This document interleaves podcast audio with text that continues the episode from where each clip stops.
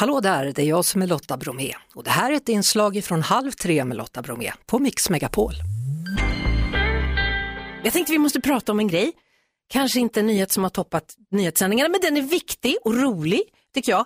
Det har nämligen pågått en omröstning i Sverige om vilken som är vår populäraste fjäril. Vi har en vinnare, en nationalfjäril. Och en som har stenkoll på det, det är Mikael Odell som jobbar på Fjärilshuset i Solna. Hallå! Hallå, hallå! Okej, vem var det som vann då?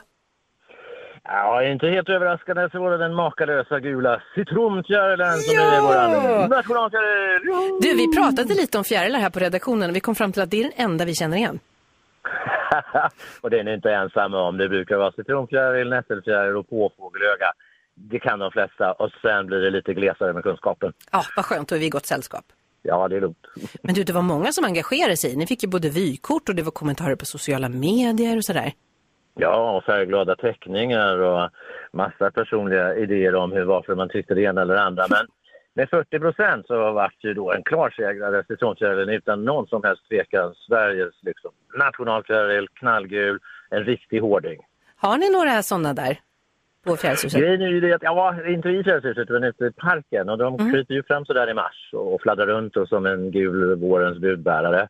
Sen gör de ju sin grej och det blir lite ägg och larv och puppa och just nu så är det väldigt mycket citronpuppa ute i naturen som väntar här nu på att komma i sin andra generation och min bästa gissning typ första veckan i juli. Då ska vi kunna se lite härliga gula färgklickar fara runt. Men du, de som du har sett, har de varit glada över det här eller har de sett ut som vanligt?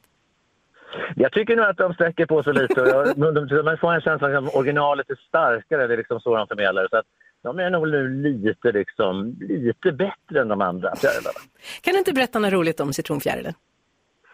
Ja, alltså den är en rolig fjäril för att den gör ju alla glada när den kommer på våren. För den är gul i vårt annars kanske lite gråbeigea landskap när det bara väntar på våren.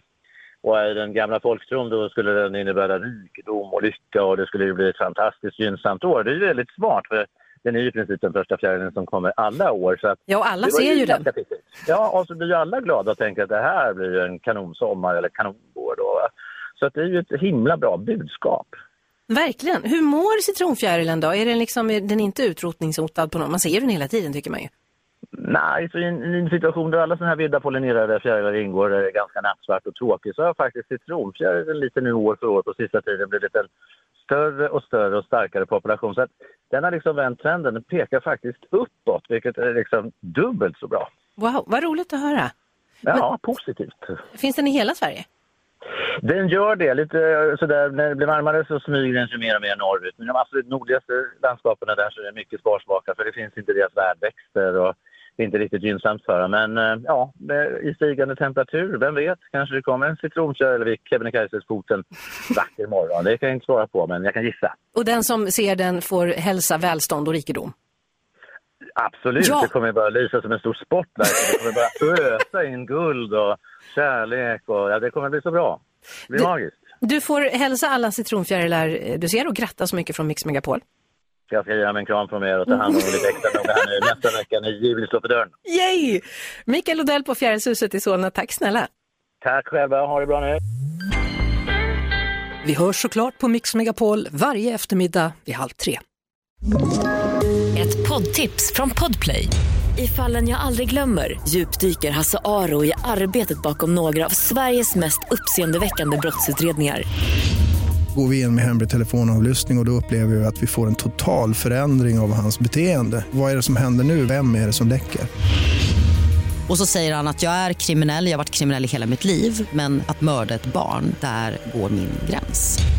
Nya säsongen av Fallen jag aldrig glömmer på Podplay.